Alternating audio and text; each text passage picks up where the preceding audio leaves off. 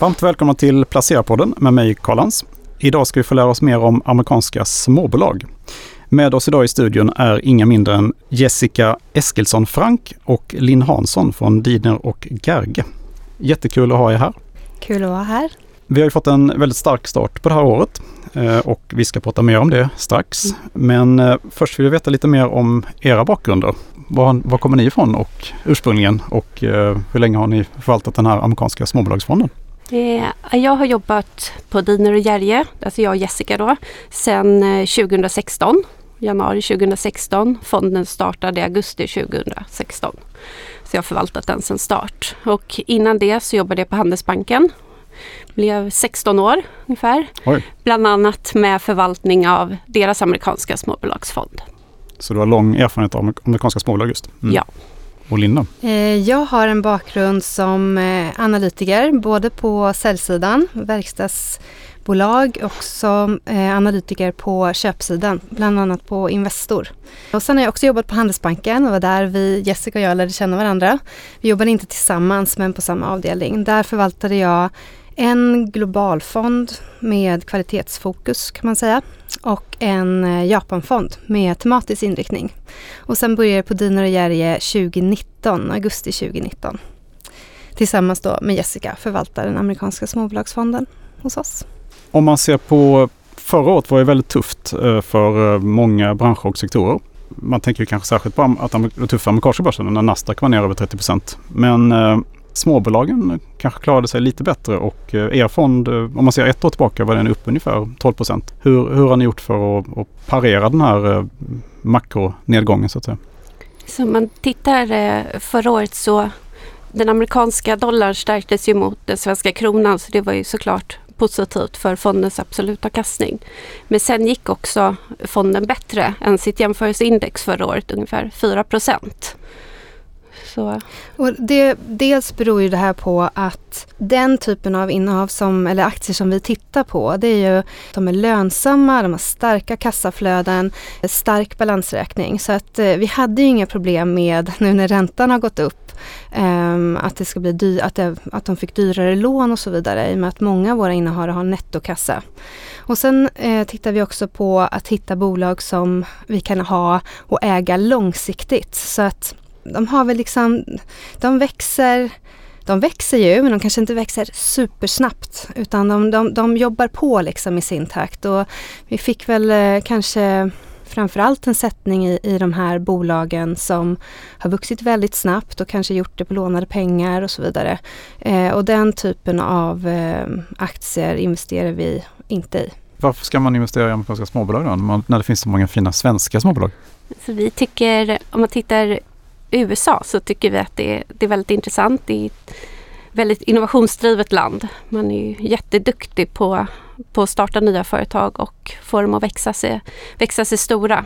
Bra, bra företagsklimat, bra tillgång till riskkapital. Sen tycker vi ju Små bolag är såklart väldigt intressant. Det följs inte av så många analytiker så att de är inte så upptäckta av marknaden. Flera av våra innehav har knappt någon analytiker alls det i USA finns, det finns ju så många bolag så det finns ju så många spännande nischer att investera i som, som inte riktigt går att investera i här i Sverige. Hur ser värderingen ut då, eller hur just nu? Är den historiskt låg eller? Eh, på våra innehav? Ja, den precis. Eller den typen av småbolag? Den, eh, det beror ju lite på innehav eh, till innehav så att säga. Och vi kollar ju på värdering, om den går upp för mycket så, så är det klart att vi kanske gör förändringar och så vidare. Jag kan inte säga att det är någonting som sticker ut jättemycket just nu i den typen, i, i, i våra innehav. Nej, men det var ju en del bolag som gick ner, alltså även av våra innehav såklart, väldigt mycket förra året. Där värderingarna ser betydligt bättre ut, speciellt konsumentrelaterat. Där vi också då har kanske ökat lite i vissa av de bolagen. Men var det några speciella branscher eller så som ni, som ni undvikit specifikt? Du, du säger att ni vill ha branscher med, med bra kassaflöden och så men då har ni kanske undvikit här snabb techbolag till exempel? Eh. Ja, vi äger faktiskt techbolag men eh, eh, kanske inte lika många som, som eh, man kan tänka sig att man kan ha gjort.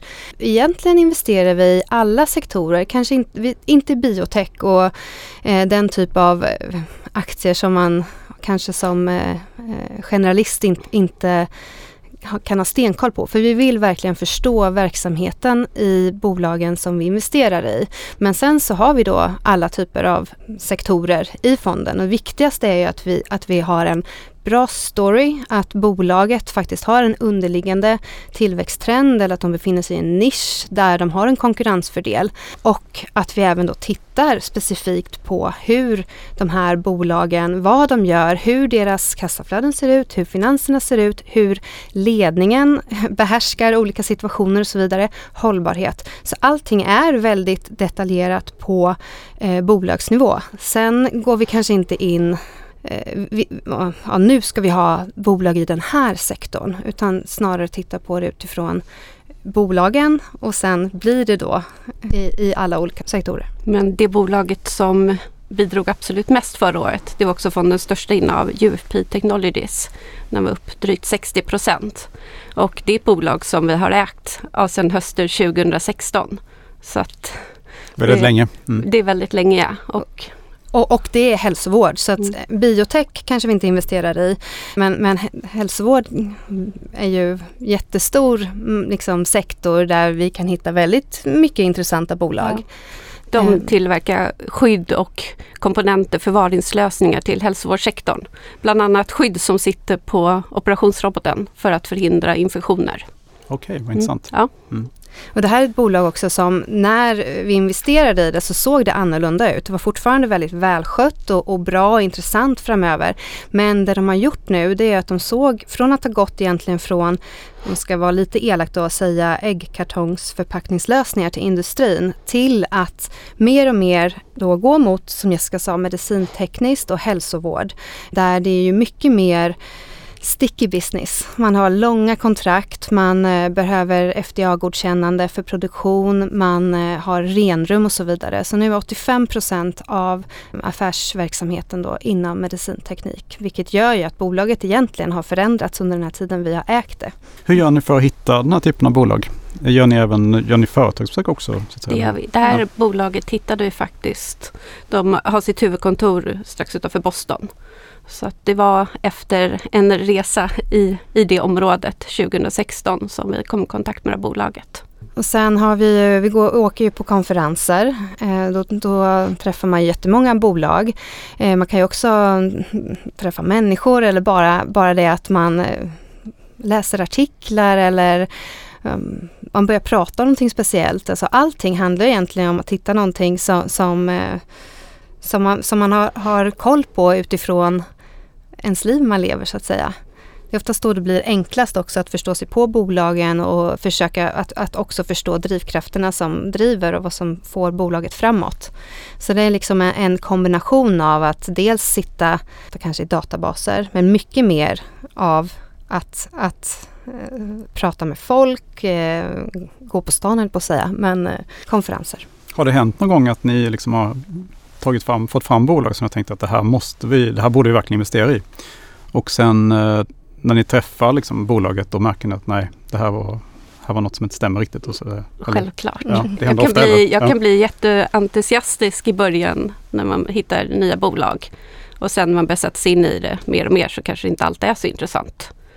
Eller också kanske man pratar med, med ledningen att det känns inte rätt.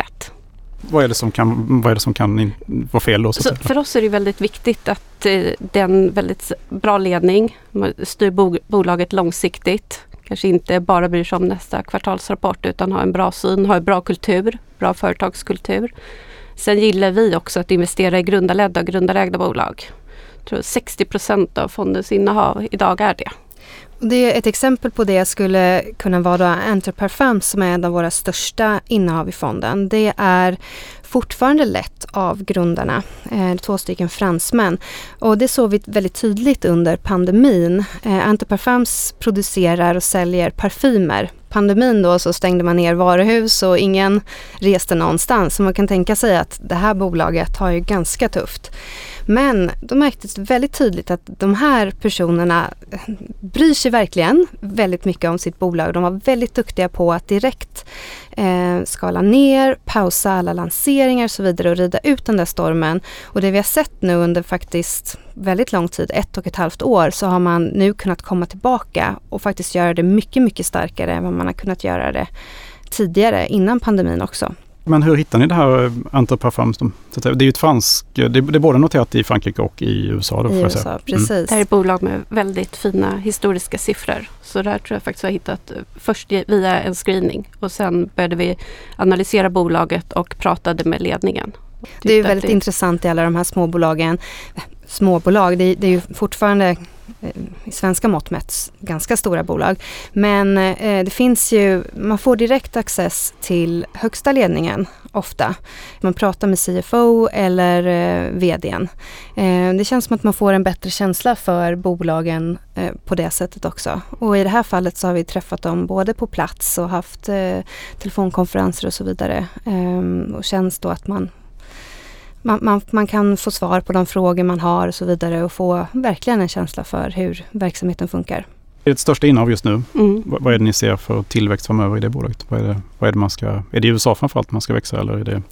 Men eh, parfymbranschen som sådan växer väl någonstans runt eh, eh, alltså mid single digits. Och det har väl egentligen Antiparfums också gjort. Man är stora i USA, man är stora i eh, Europa. Men den långsiktiga trenden det är ju att asiater ska vilja börja använda parfym. Eh, kineser till exempel ligger en bit efter både när det gäller hudvård och parfymer. Och nu är det väl lite svårt att se då också i och med att Kina har varit stängt i nästan tre år. Men innan det började man faktiskt se att trenden till att också börja bli intresserade för parfymer började. Så där har man, om man ska säga den långsiktiga trenden.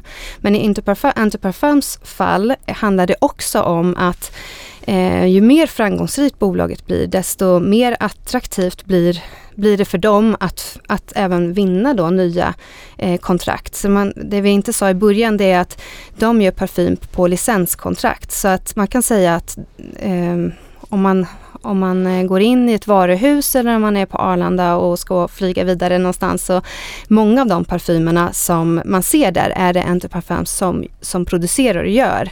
Men märkena här ser det ju mer som en eh, eh, en del av marknadsföringsbudgeten för deras varumärken. Och Antiparfums har gjort det här väldigt, väldigt bra genom att stärka de här bolagens varumärken. Så att framöver, de har precis eh, signerat Donna Karen, DKNY, Moncler, Lacoste precis här för några veckor sedan. Så att eh, ju bättre det går för dem, desto mer attraktivt blir det då för dem eh, att få nya kontrakt. Förra året tror jag att de växte 30 30 procent va, topline. Och framöver så guidar de för knappt 4-5 procent. Men de har en tendens att alltid liksom, eh, guida upp allt eftersom de ser att de har, har koll på läget och så vidare. Och under de här 3-4 åren som har varit så har de inte haft särskilt många lanseringar utan det kommer vi se nu först i slutet av nästa år. Så det finns definitivt potential att växa mer då än de här fem som de hela tiden guidar för varje år. Och det här skulle man kunna säga är ett bolag som är en del av den här lyx, lyxvarumärkestrenden också? Ja precis. Nu är det prestigeparfymer. De har Mont Blanc, till exempel Lanvin, eh, den nivån. Men det är ju kanske inte, det är ju ett snäpp under Chanel, Louis Vuitton, Dior. First Service äger ni också, fastighetstjänster. Ja, exakt. Mm. Vad säger ni där då? De är ju de är marknadsledare i USA, också i Kanada. Det är ett kanadensiskt bolag på fastighetstjänster typ vaktmästeri, poolskötsel, bemanning och receptioner. De hade ju lite tufft förra året med kostnader eftersom... Hög infla- löneinflation då? Exakt, plus att det också har varit väldigt svårt att hitta arbetskraft i USA. Mm. Och majoriteten av deras kostnader är ju just arbetskraften. Så att vi tror väl och hoppas att de kan få det kanske lite lättare i år med, med kostnadstrycket. Sen har de också ett annat segment där de, de städar upp och bygger upp efter väderrelaterade olyckor. Så exempelvis storm eller översvämningar. Tyvärr någonting som, som ökar här ja. nu framöver. Ja. Mm. Men även fastighetstjänster, det är någonting som som man tittar på lång sikt, det är en strukturell tillväxt inom det. För fler personer på grund av demografiförändringar i USA väljer att bo i den här typen av bostäder. Och sen också så är det fler bostadshus som väljer att outsourca tjänsten. Så det är mer så här servicebostäder då kan man säga? Eller? Exakt. Mm. Och här är också grundaren av bolaget. Han är ordförande och också en av de största ägarna. Ja precis, de hade lite tufft förra året. Aktien är ner 15% på ett år. Alltså. Ja. Okay. Mm, mm. Eh, Winmark då? Mm. Detaljhandel? Eh, ja, det är ju, de äger ju etablerade varumärken inom second hand. Mm. Det är också ett bolag som vi, vi har ägt sedan fonden startade. Mm. Det här är egentligen det som är extra intressant med Winmark det är väl att det är en franchisegivare. Så att det är fem etablerade varumärken, precis som Jessica sa, inom, inom second hand. Så det handlar allt ifrån eh, kläder till barnprodukter, sportartiklar och så vidare. Eh, men det Winmark gör det är att de då ger licenser eller eh, låter då personer driva en butik där Winmark bestämmer att den får vara. Man hjälper dem med exakt vad man ska köpa in, var i butiken man ska hänga kläderna till exempel, kassasystemet och så vidare, hjälper till med, med marknadsföring. Men det, om man tittar på siffrorna för Winmark så är de ju fantastiska i och med att eh, allting kommer ner till bottom line kan man säga. Och eh, om man tittar också på trenden för eh, second hand. Och det vi ska tillägga är, det är att Winmark det är Eh, kanske en lägre nivå av Frälsningsarmén eller Myrorna. Myrorna är till och med ganska fint jämfört med den här typen av nivå. Så det, det, är liksom inga, det är inget vintage utan det här är dels då såklart att den rider på vågen att man vill ha mer hållbart eh, konsumtion, eh, konsumtionsmönster. Men också för att folk faktiskt inte har råd att köpa någon annanstans. Mm. Och det är ju tyvärr så att den, den trenden ökar också. För Winmark skull då så, så är båda de här trenderna positivt. Ett annat stort innehav är Stantec. Konsultbolag eller vad ska man kalla det? Ja. Det är också ett kanadensiskt, kanadensiskt bolag. Annars är majoriteten av fondens innehav är ju amerikanska då. Men vi har tre kanadensiska bolag. Ja det är de, okej, okay, som ja, sticker ja, ut. Ja. Mm. Jo men eh, det är, vad kan man säga, enkelt sagt design och ingenjörsbolag. De hjälper bolag att bli mer hållbara, egentligen bygga och designa saker mer hållbart. Så det handlar allt ifrån infrastruktur till eh, ja, köpcentrum eller när eh, industrier eller bolag ska flytta tillbaka sin eh, produktion till, eh, till USA då i, många gånger i det här fallet så hjälper de till då att det blir så hållbart som möjligt och också i harmonin med mm, omvärlden som man lever. Så de är otroligt duktiga på hållbarhet för sina kunders skull men också internt. Eh, och det är också någonting som vi ser framöver kommer bli ännu mer tydligare och ännu mer viktigt såklart. Kan, kan man jämföra Stentec med något, är det lite som ÅF eller är det något? Exakt. Ja, det... eh, Sweco kanske också. Eh, den största konkurrenten som ju är mycket, mycket större är WSP. Okay. Men ambitionen för bolaget Stantec då, det är att de ska bli en av de tre främsta på varje marknad. Eh, så att de jobbar väldigt mycket, dels att växa organiskt men också hitta förvärv som man kan göra i olika delar i världen då för att, för att nå dit. Och man har också sagt att en nyckel till att faktiskt bli då en bland de tre bästa, det är att man är väldigt, väldigt duktig på hållbarhet. Ni har ytterligare ett bolag som heter Envent. Just det. Det var ett bolag som, eh, som faktiskt var nytt från förra året. Vi mm. köpte den blev det, sensommar. Mm. Och eh, det är produkter som ansluter och skyddar elektriska applikationer. Alltså bidrar till ökad säkerhet och energibesparingar.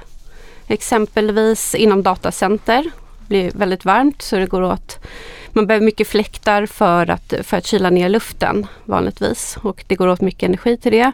Men då har de ett annat sätt att kyla ner med vatten och då, som det då går åt mindre energi till. Sen har de också ledande varumärken som Raychem. Jag tror många känner igen från sina golvvärmen hemma. De också har värmekablar för att förhindra frost i rör. Och det här var ett bolag som förra året de rapporterade väldigt bra bra siffror och de är också ett bolag, vi gillar ju marknadsledare.